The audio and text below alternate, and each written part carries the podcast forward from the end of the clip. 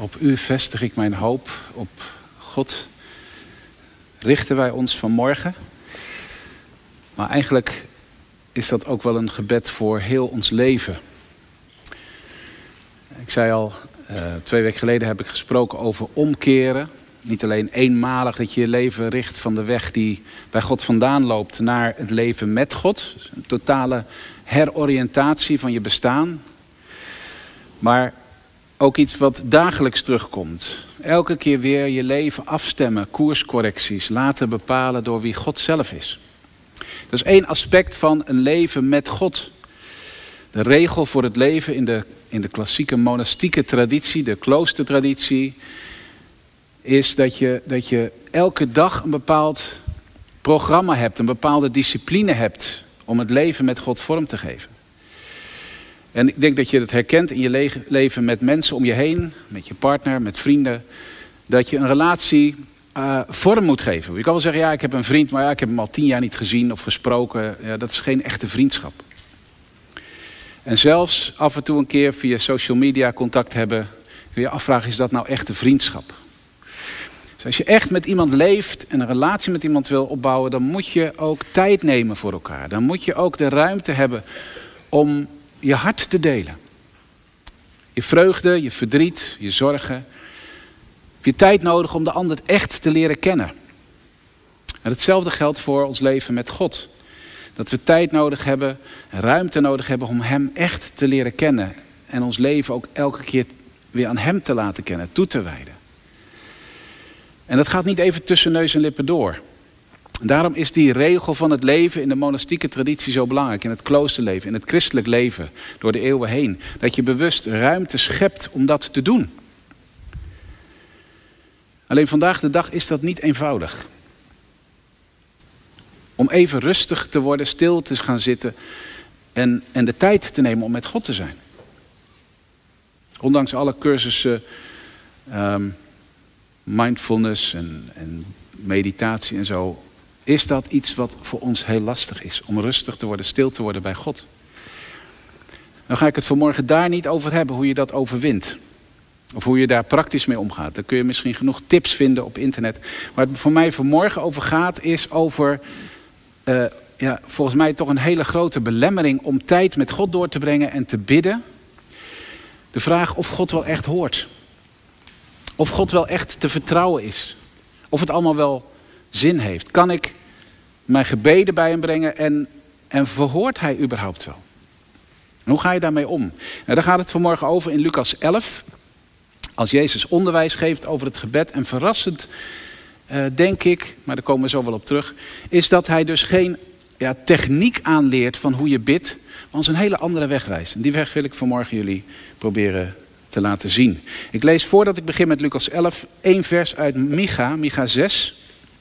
Dat komt ook terug zometeen wel in de preek. Maar het is een bekend vers. Het is gelijkertijd ook een soort levensprogramma. Het leven met God.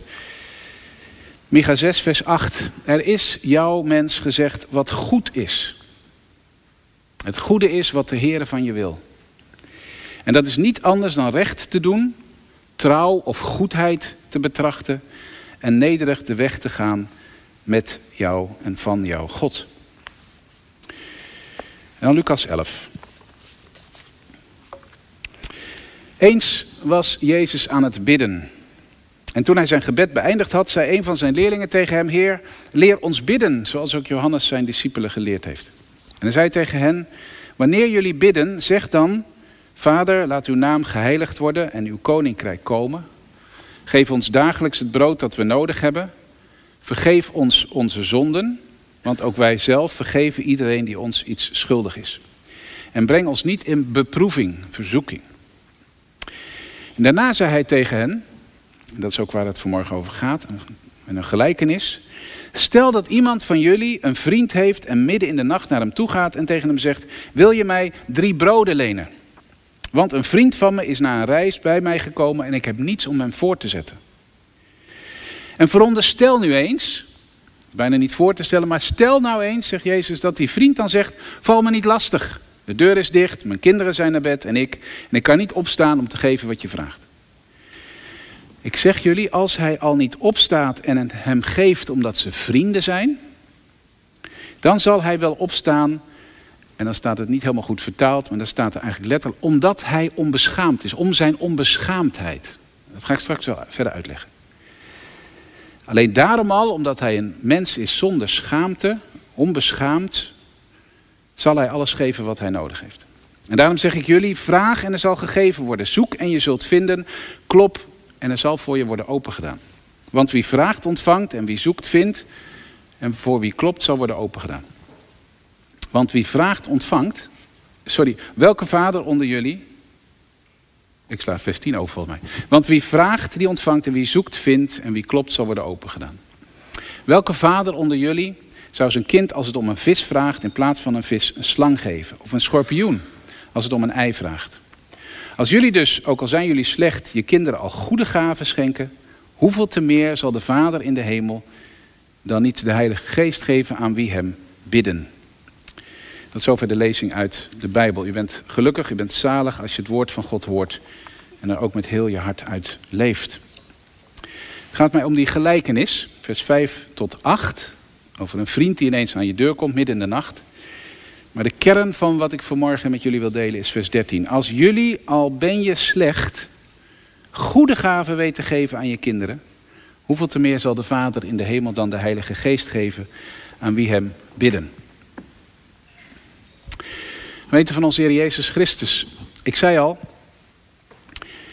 um, misschien is een van de grootste belemmeringen voor bidden, waarom mensen ophouden met bidden, wel de vraag of God er überhaupt naar luistert.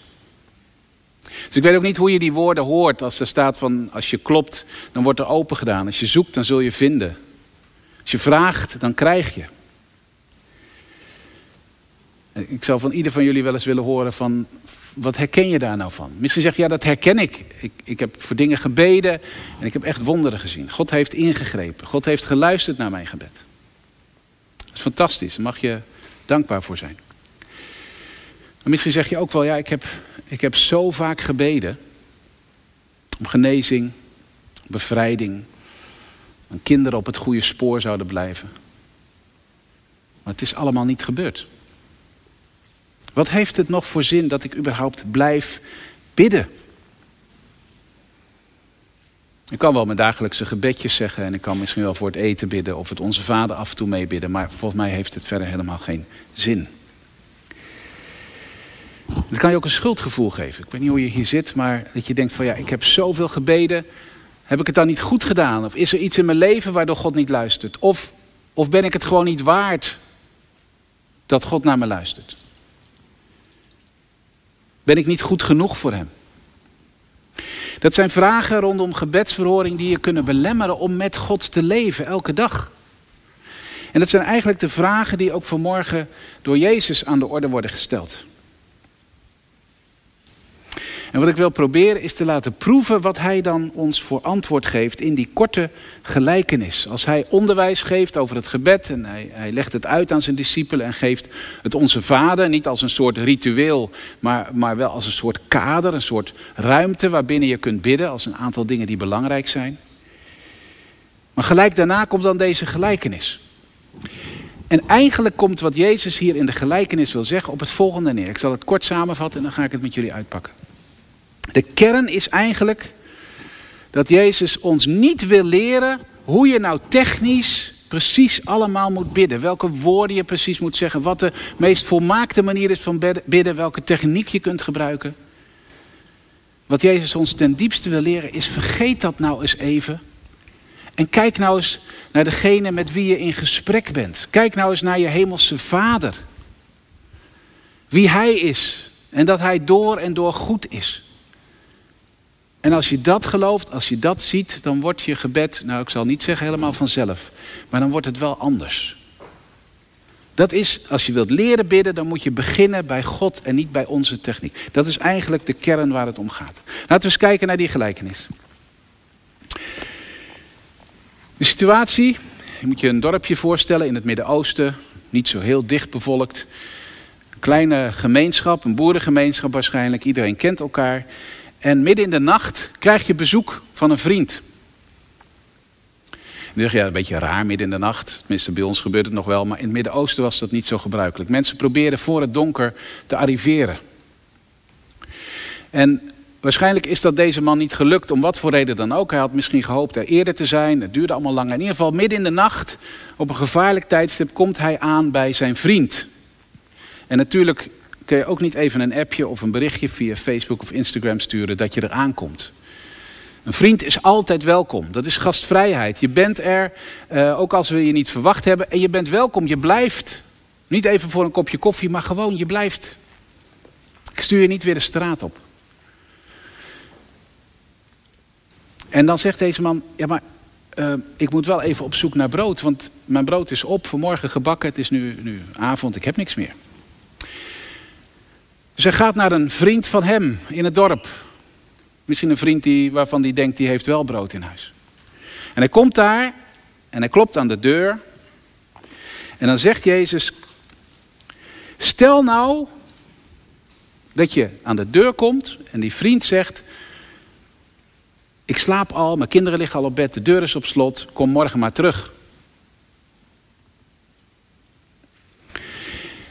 Dat kun je toch niet voorstellen. Dat is eigenlijk wat Jezus in deze, op de manier waarop hij het vraagt, duidelijk maakt. Stel nou eens dat dat, maar, maar dat, je weet toch dat gebeurt eigenlijk niet. Dat kun je je niet voorstellen. Iedereen weet dat in het Midden-Oosten je dat nooit doet.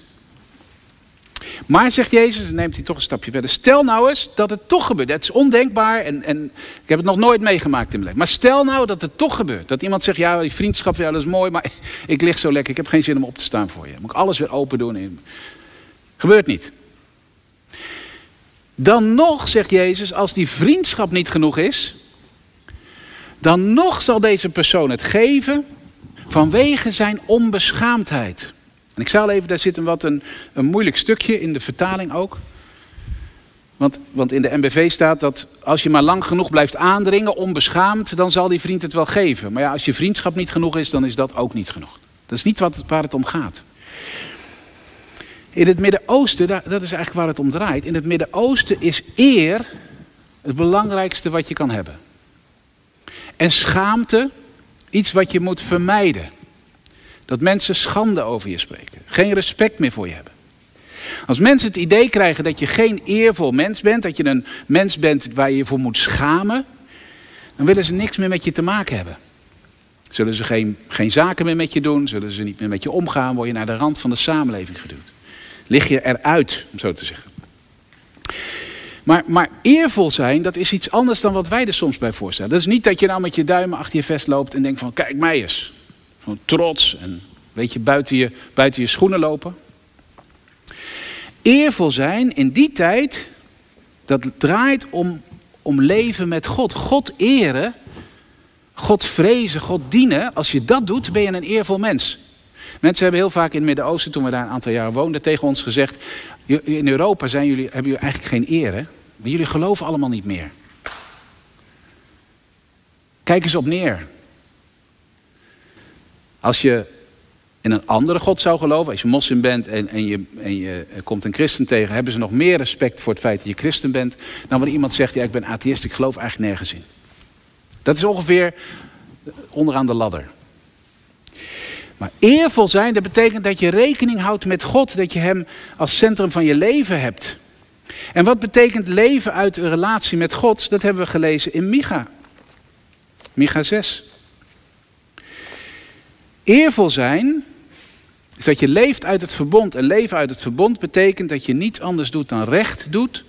Dat je trouw, goedheid betracht en dat je nederig loopt, wandelt met God. Met andere woorden, God is goed. Hij geeft. En als je dus leeft uit het verbond en je wil een eervol mens zijn, dan ben je ook goed. Dan geef je uit de overvloed die je hebt. Dus als deze vriend aan je deur komt, een volksgenoot, een partner in het verbond. En als je hem dan laat staan, dan ben je echt een eerloos mens. Dan ben je geen knip voor de neus waard. En willen mensen niks meer met je te maken hebben. En reken maar, als het zo'n klein dorp is, midden in de nacht, geen, geen geluid verder, dat iedereen weet wat er gebeurd is. De volgende dag weet iedereen dat, eh, dat je bij je vriend aan de deur geweest bent en dat hij heeft gezegd, jongens, kom morgen maar terug, ik heb niks met je te maken. Dat, dat, dat hoor je, dat weet iedereen. En dus zal iedereen de volgende dag zeggen, wat een eerloos mens. Nou, om dat te voorkomen, zegt de man die drie broden heeft, ik geef het je. En dat is wat Jezus zegt. Dus zelfs als die vriendschap niet genoeg is, dan nog zal deze man vanwege zijn eergevoel, het leven uit het verbond, toch geven wat die jongen vraagt. Dat is wat Jezus ten diepste met deze gelijkenis neerzet. Maar wat betekent dat dan? Wat betekent dat dan voor ons als het gaat over God en over het gebed? Is God dan een God die niet wil geven, omdat, ja, dan vallen we hem weer lastig? Ik zit al zo ver bij jullie vandaan in de hemel en ik heb het zo goed. Is God dan de God waarvan van je moet zeggen, ja, je moet maar blijven vragen, blijven vragen en aandringen tot hij een keertje luistert, zeuren, doordrammen, met eerbied gesproken? Of, of luistert God pas als je de juiste formule hebt gevonden? Of alleen maar het onze vader bidt? Of luistert God alleen maar naar die mensen die aan de deur komen die heilig genoeg zijn? Natuurlijk niet. Dus ik hoop dat je dat proeft uit die gelijkenis. Sterker nog, als je zo over God denkt, zegt Jezus, dan is dat ten diepste heidens. Dan laat je zien dat je God niet echt kent. Want in Matthäus, in een vergelijkbaar gedeelte, zegt Jezus: Word nou niet als de heidenen die denken dat ze door de veelheid van woorden en door hun mooie woorden verhoord worden.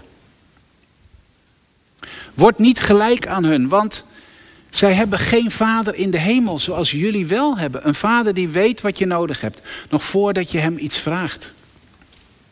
Het is heidens, en ik weet niet even tussendoor refereren aan die geschiedenis van Elia en de Baalpriesters. Uit het Oude Testament, lees het maar eens na in 1 Koning 18. Dat Elia een strijd heeft met de Baalpriesters. En die Baalpriesters en Elia gaan bidden of God wil antwoorden met vuur. Om een altaar, een, een, een offer aan te steken.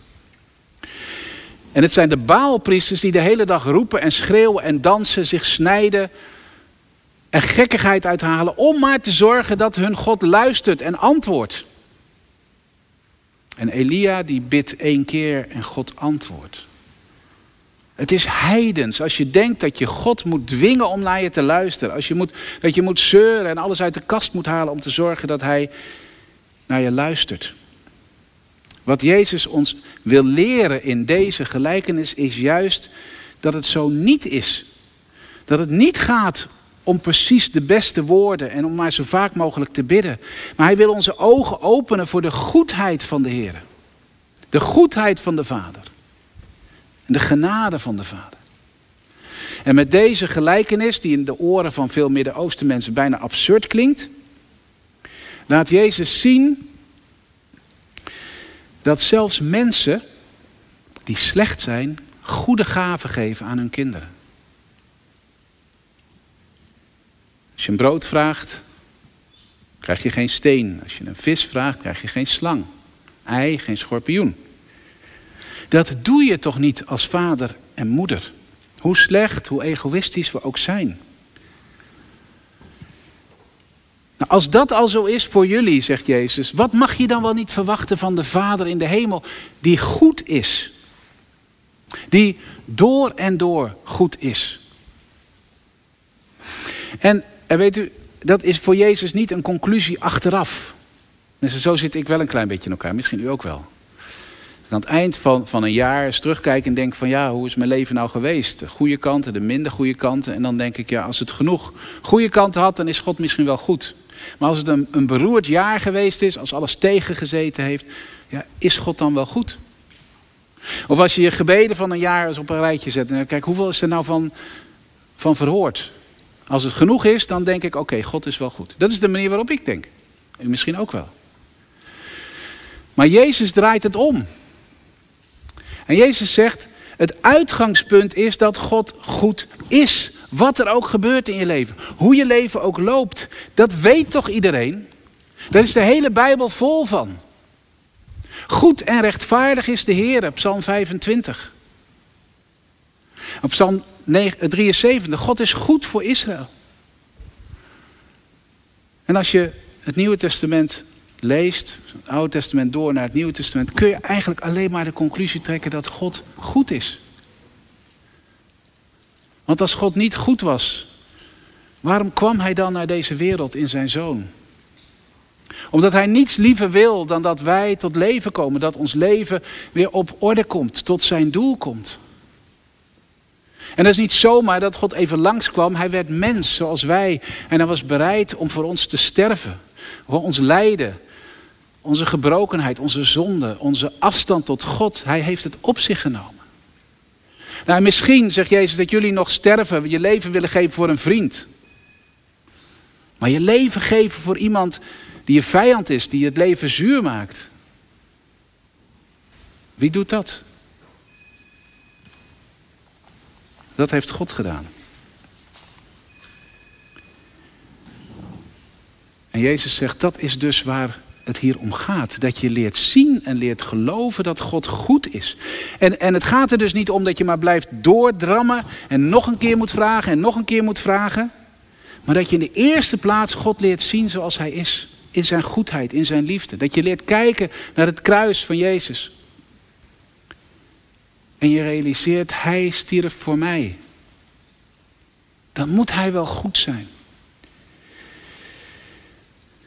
En, en natuurlijk, je mag al je noden telkens weer bij God brengen. Je mag alles tegen God zeggen. Alles wat je op je hart hebt. Maar dat is wat anders dan dat je maar blijft zeuren of God naar je wil luisteren. Dat je denkt dat je zijn aandacht moet trekken, omdat hij anders je, je leven niet hoort en niet ziet. Je mag alles bij hem brengen. Paulus bad drie keer om iets in zijn leven wat hem dwars zat, wat hem stak. En toen was het genoeg. Zijn genade, Gods genade was genoeg. En dus was het voor Paulus oké. En Jezus bad drie keer. Mag deze beker aan mij voorbij gaan? Gebed werd niet verhoord. Maar wel wat er volgde. Niet mijn wil, maar uw wil geschieden. Ik vertrouw u dat u goed bent. En dan is dit genoeg. Ik leg mijn noden bij u neer, maar uw naam wordt geheiligd. En uw koninkrijk mag komen. Dat is mijn diepste verlangen.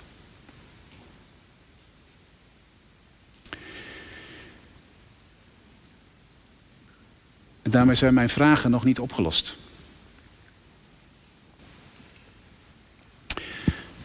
Ik heb nog zoveel vragen over hoe werkt dat dan? En wat doet God dan wel en wat doet God dan niet? En er zijn zulke dramatische situaties vandaag waarin ouders hun kinderen dus niet geven. Zelfs niet het minste wat Jezus hier beschrijft, brood. Waar kinderen in oorlogssituaties of andere situaties zwaar beschadigd worden, lijden. Dus het is in de werkelijkheid nog wat gecompliceerder. En ik weet niet hoe ik daar een logisch antwoord op moet geven. Ik heb geen logisch antwoord. Maar wat ik vanmorgen u graag mee wil geven, is dat God goed is. En dat dat niet afhangt van wat er gebeurt in je leven. En ik begrijp heel veel niet. Maar ik weet wel dat Jezus mij uitnodigt om telkens weer mijn leven aan Hem toe te vertrouwen. Dat is bidden. Je leven voor God neerleggen, elke dag weer. En leren geloven dat God goed is. En dat Hij niet loslaat wat Hij in je leven begonnen is. Dat is ook wat Psalm 73 zegt.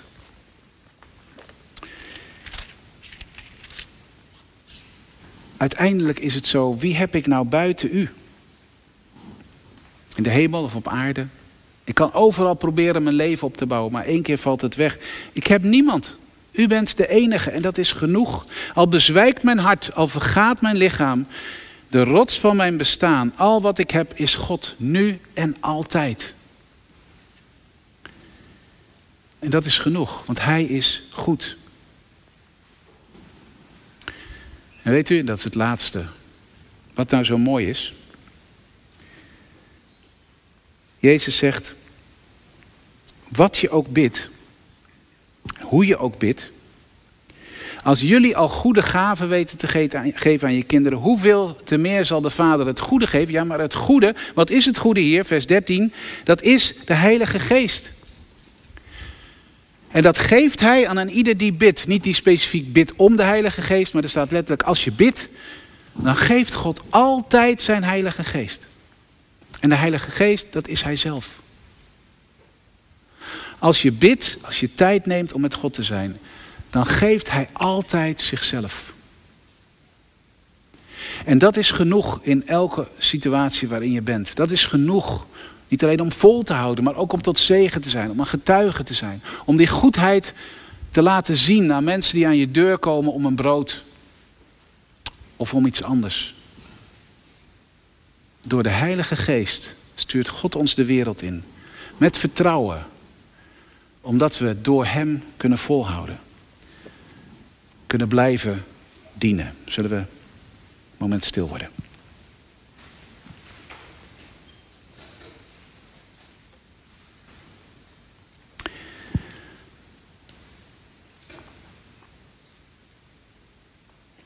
Heer onze God, wij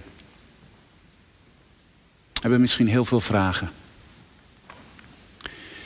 Misschien ook heel veel pijn of gebeden waarvan we zo gehoopt hadden dat u die zou horen. Verhoren. We zitten misschien wel met verdriet. U kent ons persoonlijk. Hoe we hier ook zijn, Heere God, wilt u ons door uw geest elke keer weer laten zien dat u door en door goed bent. Dat u uw leven gaf voor ons. En leer ons dan om elke keer weer ook tijd te nemen en ruimte te maken om met u te zijn, om stil te worden bij u, om met u in gesprek te zijn. Om ons opnieuw te laten overtuigen dat u door en door goed bent. Zo bidden we voor elkaar dat uw hand op ons leven ligt. Om ons kracht te geven in tijden van moeite. Om, om ons dankbaar te maken in tijden van vreugde. En om ons te leren hoe wij ootmoedig met u kunnen wandelen. En ook goed kunnen zijn voor de mensen die u op onze weg brengt. Dat vragen we in Jezus' naam. Amen.